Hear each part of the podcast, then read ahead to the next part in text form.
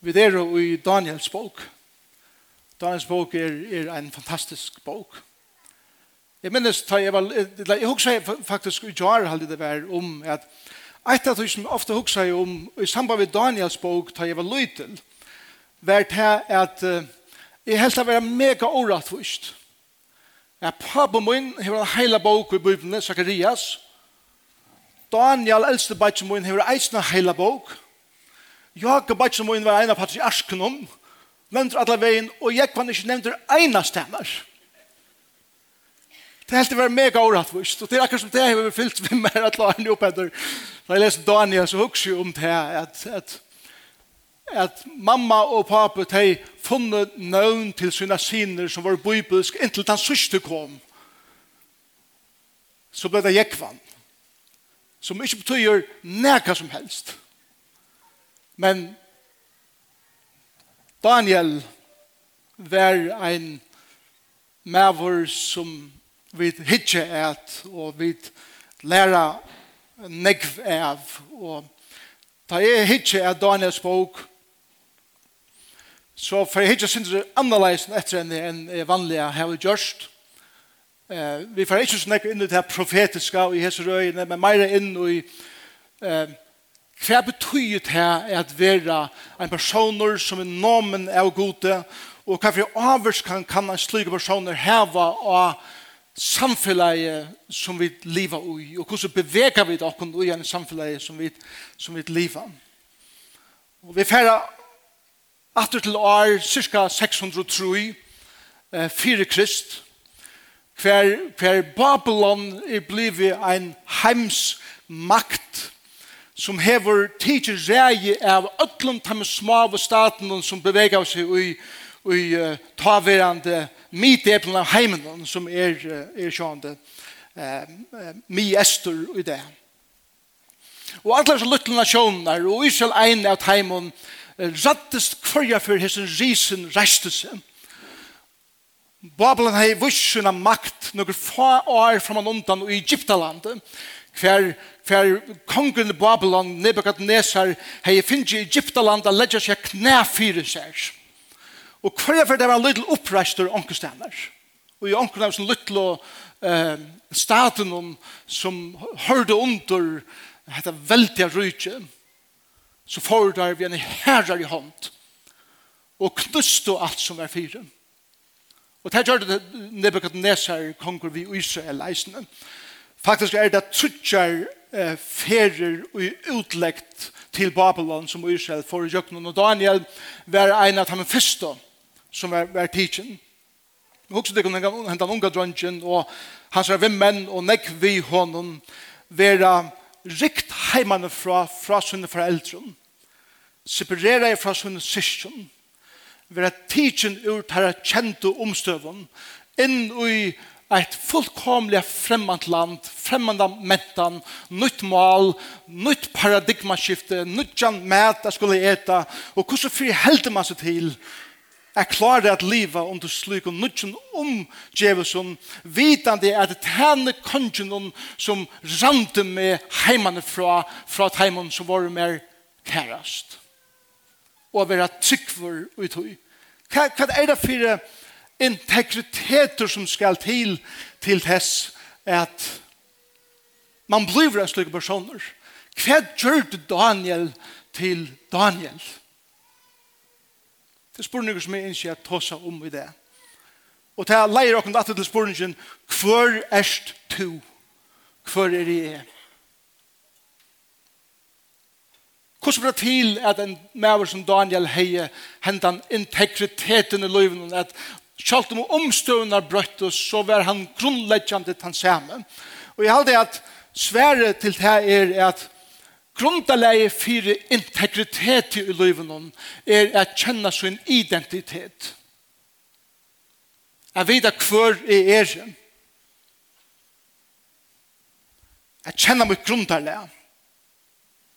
Hva det er som er bygget av. Og Daniel, han bær hette navnet Daniel. Bogen börjar vi å sige, tre år og Joakim, juda konkur, sett vi kom Nebuchadnezzar konkur, i måte Jerusalem og kring til. det. Hatt er, hatt er tan, tan jøriska mynden av det som hendte. Nebuchadnezzar kommer, og han kring Jerusalem og alt Judea, og han han knusar det sundur, og han knusar tempelet sundur, noen år settene, år 506 furs, ta og i Jerusalem er lagt i øye. Men Daniel ser vi tog som vi kallar for dobbeltsjån. Og det er vers 2. Og Herren gav Joachim Judakong ui hentur hans herra. Det er akkurat som at vi, vi har alle veien i Daniels bok her, at vi sier det søvelige, til, til som vi sier vi akkurat vanlige eion, Men Daniel blir vi er suttet at det som hender eisne at hette en parstri av som god gjer. Da må vi lese det seneste versen i kapittel 1. Etter vers 21. Daniel var her lyga til fyrsta åri og i Kyros konkur sett vi styre. Så han var tidsen ta i Nebuchadnezzar konkur sitter ved rei i Babylon, og han er her lyga til at Kyrus konkur sitter, det kommer til rei. Og til så har jeg nevnt at bare lese for boi her verset, men vet du det, hatt det er trus åra skai. Det var trus år fra det dagen jeg var tidsen i utleggt til at Kyrus ble konkur. Og jeg som er en Daniel tæner kongenon, kongenon, som har tidkjende utleggt trygg for öll hessi her trus årene. Og spurningene som, som vit få grunn av at her er hvordan livet du, hvordan tjener du i en samfunn som på nekka måter hever rant nek fra der som du skal forhalte det til hvordan tjener du i sin landene som du borst vel og du gjerst ditt besta samtidig som du helder fast i hver tøyn grunnleggjande identiteter i, eller er, og bygger tøyn integritet av det. Nega tøy ligger i navnen om Daniel. Ofta sier vi det at navnet spittler ångan. um, jeg var kanskje ikke i Bibelen. Så man er så til å være møte, og, og, og veist, den, den neste bibelen, at den bibelen, at det er sangpågen, det vet jeg det ikke annet, som er oppvaksen i sangkommendene, det, det var sangpågen. Og i sangpågen det var et navn som atter og atter var nevnt, og jeg vilja i det til, men jeg skal ikke gonga det til, og det var hans.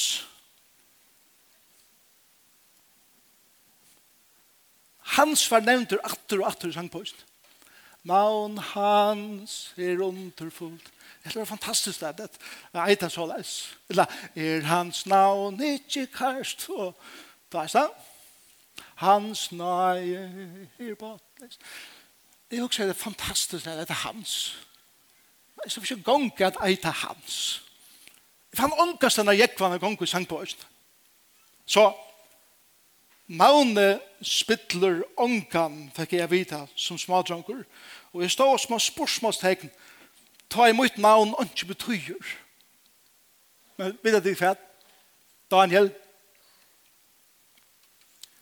han kom fra en land i et annet land, spilte han kultur. Han måtte lære spilte nytt mal.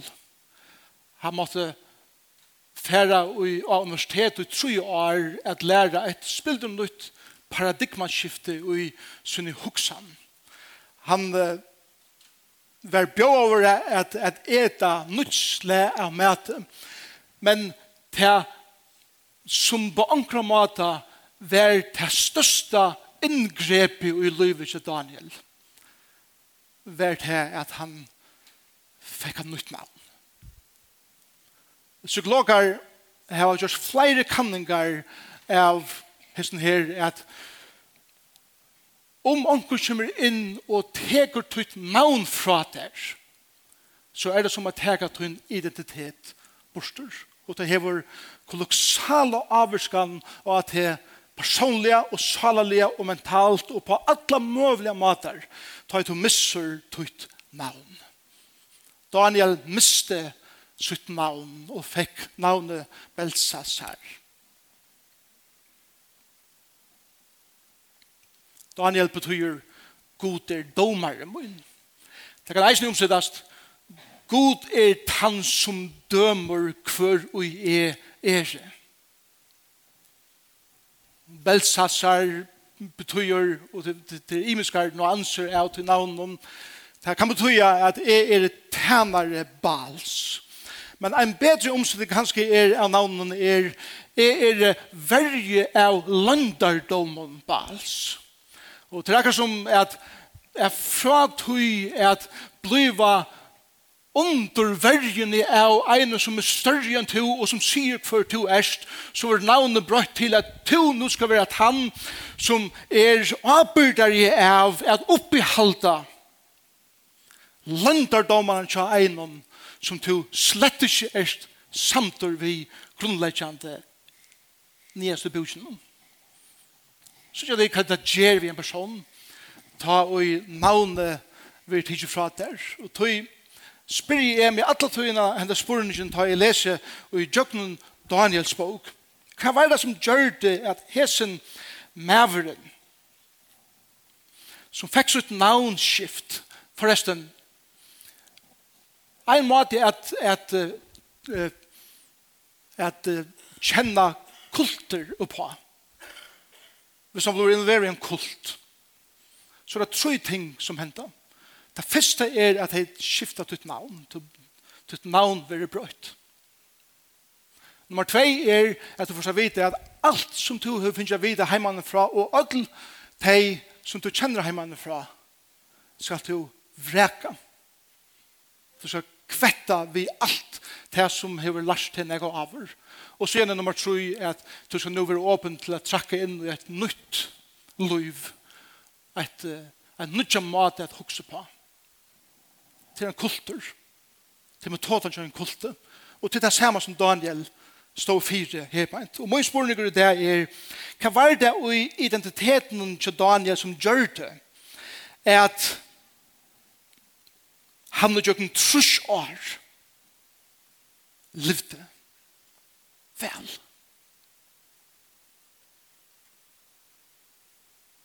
Og det teker okken allan veien atter til jødiskan hoksen har hatt.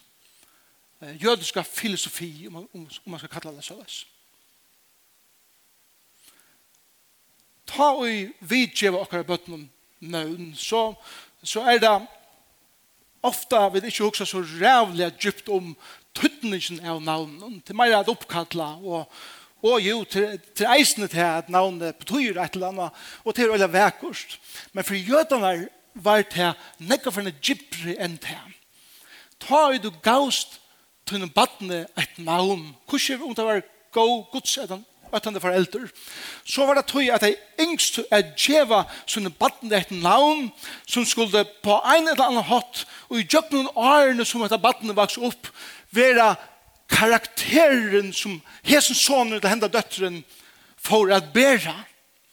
Og det som foreldrene setter seg fire er at det navnet som vi gjev okkar battene skulle vi som foreldre være vi til og li okkar livsfyll så etter at okkar batten, okkar batten skulle ei kjennast av til navnet.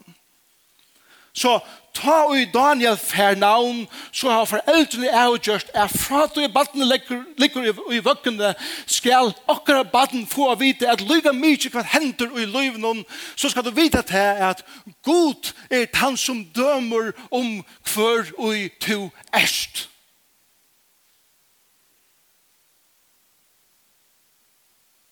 Og badene fikk jeg vite i ungen og åren at tutt baden er tuttning om hver ui toferst er vera, hver tunn karakterer for at vera.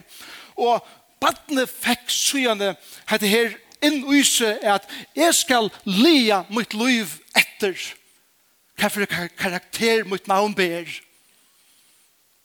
Og, og ein, ein jødisk filosofer som, som, som eitur eh, eh, Silas Jesh skriver så leis, at det er, at det er en avbyrd til hverju jøte at finna, og at gjøre seg greit, og at realisere verleikene av endamalen vi liven og i sin heime, grunn av til navn som det er givet.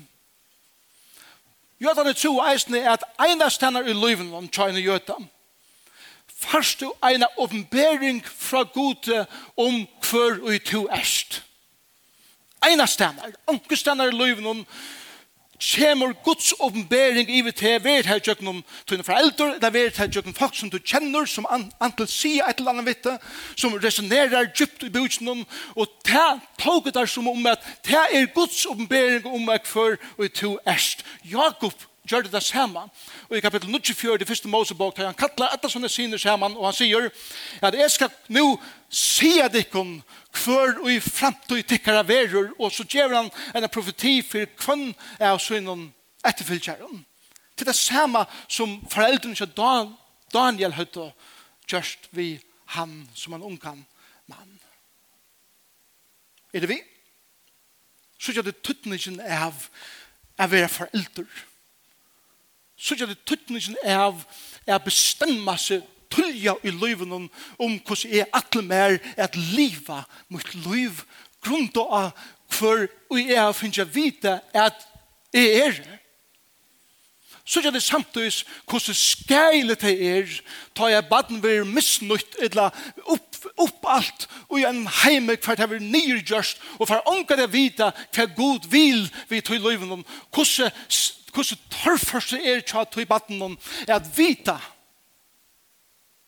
hvor Guds atlan er fyrir meg. Og tog er det, og i okkar samfunnet, jeg vil struja som jeg som vaksen, jeg finna okkar identitet. Og finne til av hverje vi veri er, og hva det vær som god fra byrjan av yngste, og hans dreymar våre fyrir mer, det skulle være tøtningen ui er vera forelder tid er så avmetelig djupur. Det avvarskar et helt mannaløyv som søgjende avvarskar nasta at, atali og nasta atali inntil onker kjemur og sier er bråte sosiala arven og i tog som er ufaksen vi og gensjen er alai og tog er spurningren Hvor er jeg? Hvor er du? Daniel spyr okkur tannspurningen. Til han fikk tannspurningen selv.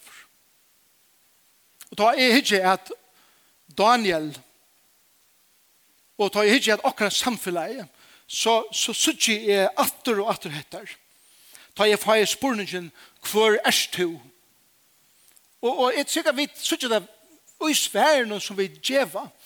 Jeg kan, uh, hvor er du? Og min sfæren, ah, jeg er uh, pastor i Lutene. og så sier vi kommer til, jeg, jeg spurte ikke hva du gjør det, jeg spurte hva du vær. Hm.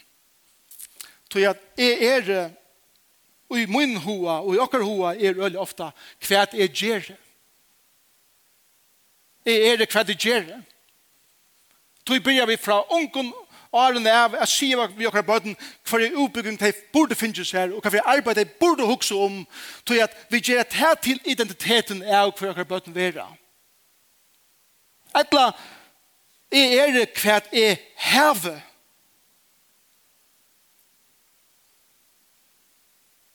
og hva jeg eier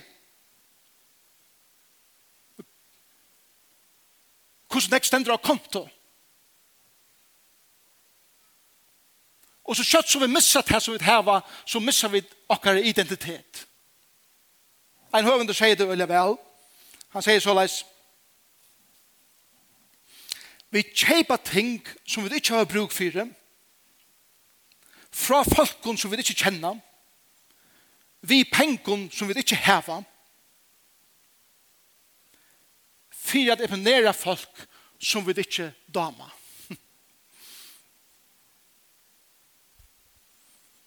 Og hatt er øyelig ofte materialismen. Da hun styrer. Jeg er det hva det gjør, jeg er det hva det hever. Da tror jeg er, jeg er det hva jeg kjenner. Ronaldo er akkurat vidt i førjen. Er det ikke mega cool jeg kunne si jeg hever seg? Så jeg vi sitter opp til folk, og vi røyner å komme og kjenne deg, tog at langslen og i mer er han at hvis jeg er bare får jeg synder med samband eller blir jeg synder mer som hæsen eller som handan så finner jeg et eller annet i løyven tog er jeg er hvem jeg kjenner Etla. det fjorda er etter jeg er hva andre sier jeg er. Jeg er i hva andre sier jeg er. Jeg er i hva de gjør. Jeg er i hva de hever. Jeg er i hva de kjenner. Jeg er i hva andre sier jeg er. Og tar vi tidsi at Hollywood og vi tidsi at kolossal og avvirskane av modabløven og Photoshop og alle disse tingene som avvirska unga jenter og unga dranger som vekser opp at det blir en image som de røyner livet opp til, som er fullkomlig menneskelig og realistisk. Så fettla mange og gjerne omedelig djupa depresjon og vånløs i løyvnen, for de ikke klarer livet opp til et eller annet. Og som tjuna bond. Hver tjun byrja at at gjera kvann annan til det som de vilja heva vi kommer til å være Og armer med det er som har brøtt en person som jeg, at det er ikke personer som jeg ble forelsket og i hørbyrjan av. Til det har brøtt hans som jeg. Vi må noen nyrgjerende orden til noen krevjande måte jeg være på, så vi er det. Forhold.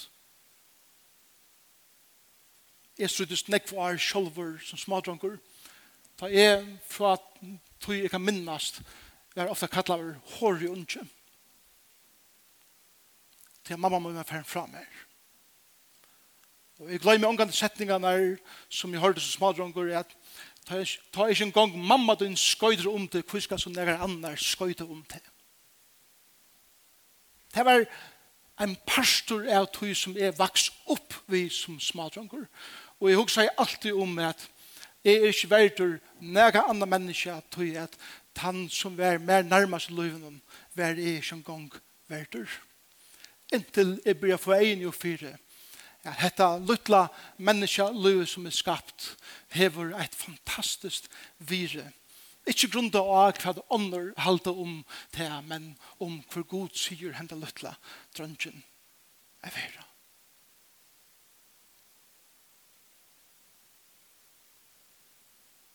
Og tog spyr Daniel og spurningen. Hvor er tøyn identiteter? Hvor er min identitet?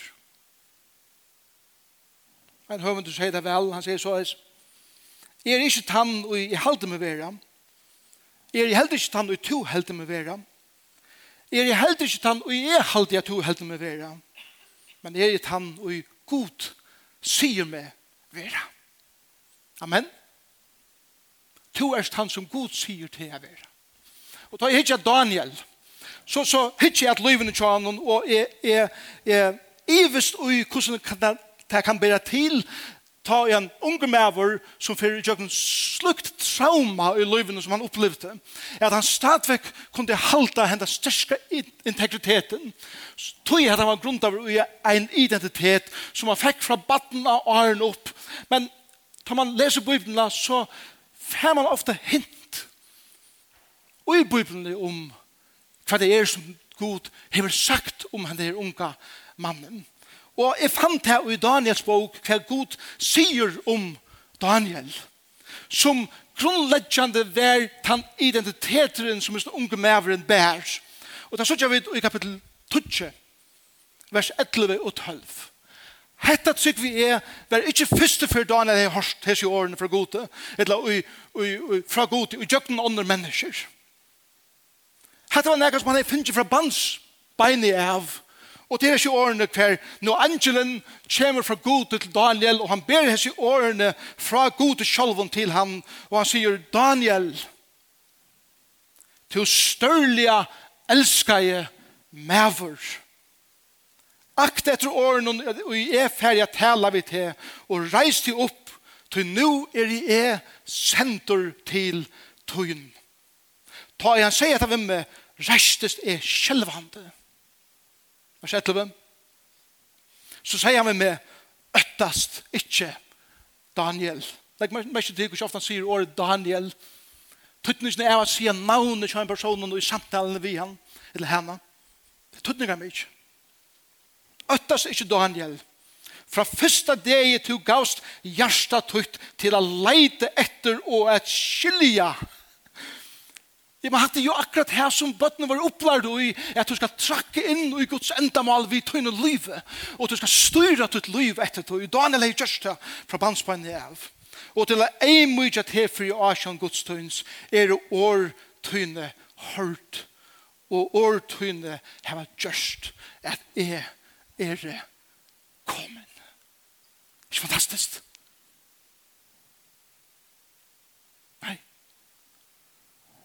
Er det bare jeg som hadde vært fantastisk? Jeg er jo kurser ordentlig spenter og prater. Til et tykker vi har en oppfør dere. Alt som er inne her. Ein eller ære som har hørt om at god elsker det. Og god hever en atlan vi tøyne livet. Men til så nekve av hinnom som legger seg om han og alt her, at det blir omgang verligt nere i butjen tjakom. Størlige, Daniel, størlige, elsker jeg mever. Skift ut navn ut. Jekvam. Kjøtt om du onker jeg nevnter i Bibelen. Du er størlige, elsker jeg, elsker jeg mever. Sett ut navn inn her og tek hata til tøyn. Will Graham var appasonner, eller er appasonner, Billy Graham, som, som er ferdes vi. Han fortalte okkur en av ta vi, det hendte ofta, men en fyrir var han vi og Billy Graham, oppi hans er boe av en hotell i Los Angeles. Og han sier at, at det stod kø av folken til å snakka vi Billy Graham, først rundan om alt hotellet, og så igjen iver av sygegøtene, det stå i kø for å ta seg vi hendan mannen. Og vi horene inne i hotellet stod tveir våpna i politimenn jeg halda vakt i vår Billy Graham som var bant innenfor. Og han forteller at han var ute i spalte, og han kommer og rennande, og han narskast horene, og som politibæren, han kvar hendene ut og stekker henne. Du slipper ikke inn. Og Abbi hans er Billy som var innenfor horene, ser hver gang, gang, gang, fyr, og han kommer ut og Og han fer nyer av knæ og av egna hatt vi apostelen kjøs her og teker om han og sier «Åh, oh, vel, det er deilig å sitte Og som politimer han trakka beina vi atter til han sier at her er særlig samband. Så sier det «Så la sær god til». Tukas renna forbi alla køyene der. Alle de som og det er det som er så syrkelig Alt hei som god innskyld har samband vi halda det må stande i en kø for jeg egnar for vånade at få egang til han. Du kan renna beint inn og hva sikna vi det og sida vi med sjálvan la dere ikke være politimenn som halda folk ikke atra og slipper til god. Men jeg vil god tidsen til at hette er abbe og hette er okkar fægir som elskar okkar. Du størlige elsker jeg kvinna. Du størlige elsker jeg medfor. Det kjevet her adgångt til god. Og så sier han, og nå skal jeg tale vet du. Det er å være sattur av god. Ta i god taler inn i ditt liv. Og ta i god taler inn i ditt liv, så tar han liv inn i ditt liv som gjevet her vire. Du hever vire størst du vita skal at ungen annar er som du. God sier til vi til, som God sier til atter og atter vi Daniel. At du har vært vire, et tale til tøyen, et sudje det. Og så gjerne vi han omfemter av god til kvelden. Da Daniel reiser sjelvande, og, og angelen sier vi han, øttast ikke Daniel. Daniel til jeg føler at onkel legger hendene og aksene av meg, ta jeg av i ho at øttast, og i mis kommer i mitt liv, og du føler at disse hendene er så omfavnande og så heitar, som en morhånd og en feierhånd som teker seg inn i sin barm og sier, vi er ikke bensjen. Øttast ikke, Daniel, tutt navn. Og ta gjevda kvult. Jeg har gongt, vire, vire, og kvult. Det betyr at i, i, i, i strynen av livnen og i måkengen av livnen er et sted hvor du kan komme og kvile og bare være to og ikke øttast. Og så sier han ved en lentan Han, han sier i versen her at fra til deg du gast hjertet tøyt til å leite etter å skilje og at ei mye til fri avkjøn gods er årtøyne hørt og årtøyne var gjørst at jeg er kommet til tøyne. Og her her tenker jeg her at at du har hørter av gode at det som du setter deg fire i løven byrjar einastene er bedre avvøkst. Du byrjar å suttja avvøksten av at eina fyrir løgna har halka det til at høyra at du er en elska kvinna, en elska mever. At du har vire størst. At du kan skvila. Og ta og i top det er at det er en avvøkster djupt og i tunnen løyve. Jeg husker ikke endelig om avvokst det, til at du sørst veldig ting, eller avrik, jeg husker ikke om det, men jeg husker bare om, om det som du føler djupt nyrje i tunn livet, ta et og legger høtte av kottan om kvalitet, og du føler, er djupt elskaver. Ta djevet her vogn. Ta djevet her vogn. Så tunn identiteter og for god sier du erst. Først djevet er erkomt. Ta gjevet her vire. Ta gjevet her kvult. Og ta gjevet her vogn. Fyrt høyt liv. Det er det som Daniel sier heie finnes fra bandsbeinet av, og det var det som gjør det at hese maveren kunne leve i en slik samfunn som han levde i. Jeg høver til å si så leis, Tøyn identiteter er å kjenne til sjølva som elskar og døtter Guds. Hetta er identiteter som du skal teka i måte fra Gud. Ta et du har funnet han, altså identiteten, og gjørst han til en integrerad part av hver du erst, så erst du til reier at liva i en heime som gjevet her bæge glede og sorg. Du forstår du at hega imot bæge rås og rys fra heimer rundt om det som er møvelige er stedfesta til grunnleggende identitet. Du identiteter som gjør det heila er større og djupere enn menneskelig rås eller rys eller mågångt eller vigongt i livet. Du er døtter Guds. Og det er såleis at du er sendt ut av livet i sin heime. Det er bedre du kjenner det sjølva, andre sal og likam. Som veldig elsker av herren. er friere ver du at liva ditt liv fire ånder. Amen. Og tog sier en annan høvendur så leis. Tragedian er ikke til at livet endar så kjøtt. Tragedian er til at vi byrja så sent at liva. Vi byrja så sent at liva. Så, hvordan kunne Daniel liv i Babylon?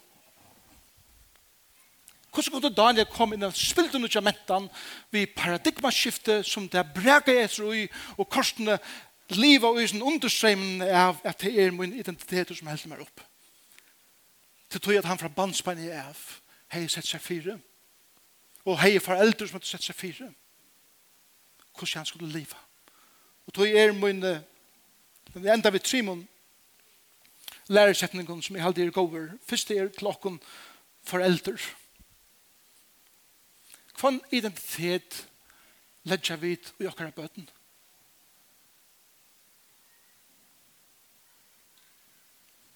Og her må jeg tenke meg sjåvan i barm og sige, på nega måter her vi er, eisen vil vi til å sige, du erst hva du gjerst, du erst hva du hever, du erst hva du kjenner, og du erst hva andre sier til jeg vil. Og jeg glemmer at øysam i mine bøten. Du størlige elsker jeg maver, du størlige elsker jeg kvinna. er fer. Et annet, forelder Hvordan er det tid som jødene at de bestemmer til at okkara livsstyler som forelder skal være vi til at hjelpe baden at livet sitt navn, at liva sin identitet. Hvordan bestemmer vi okkun som foreldre at liva? Kommer vi bare melande her til å ho? Er god og til andalega bare en løydel prikkur av öllun hinen som vi annars gjerra i løyven om. Og så standa vi ivandi og ta i bøttene i liv og sundagsskolen og i ungdomsarbeidet Hvor det ikke fylgjast herran om. Kan det være tog at vi som foreldre fettla ui at heva en løvstøy som blir kipar etter tog at leia akkurat bøten leier herrens Og lade det vita hver det er i herrens egen. Så at de sjolv kunne byrja finna en løvstøy hver det bytja vujare på det som vi har lagt ut hei som foreldre.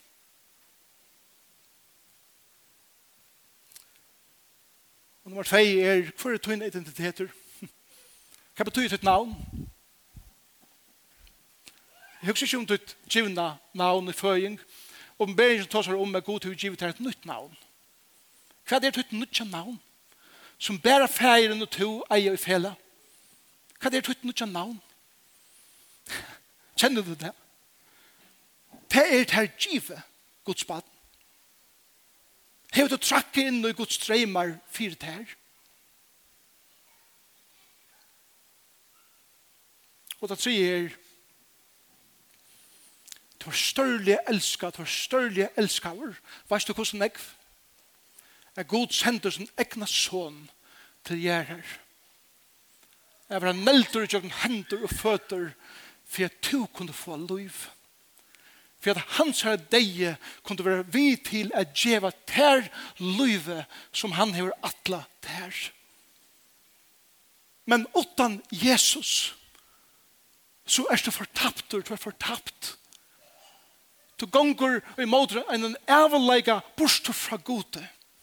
Og god har gjort alt som skal til for jeg bjået her at trakke inn i sitt samfunn som han ikke har hava vi til. Og han bjør at her og i det er kommet til synen, akkurat som du erst. Lyga mykje kvar du erst, lyga mykje kvar du kommer fra, lyga mykje kvar du søve er, lyga mykje kvar du har gjørst i livet noen, lyga mykje du føler at Jeg er ikke oppe på oppebord jeg vil elske av gode. God sier, jeg har gjørst til oppe på når jeg vil elske han. Elsker han mer og i munnen sånne. Vil du komme til ham i dag? Vil du gjøre et liv til Jesus? Kære viner som kanskje er første for inni her i dag. Det er første for kanskje for egen oppfyr at du har elsket og elsket for. Og at du sørst Jesus dødja for henne sendt. At du nå gjør det til ham og sier Jesus, takk for at du døg for meg av krossen. Jeg gjør mitt liv til tøyen. Vil du komme inn og frelse meg? Og du blir av Guds baden. Det får en nødjan identitet. Et nytt navn. For resten av livet om at trakken og at livet. Så at hun integriteter kan være grunn av ui tøynen identitetet av hver god sier til er vera. Slå bia sammen.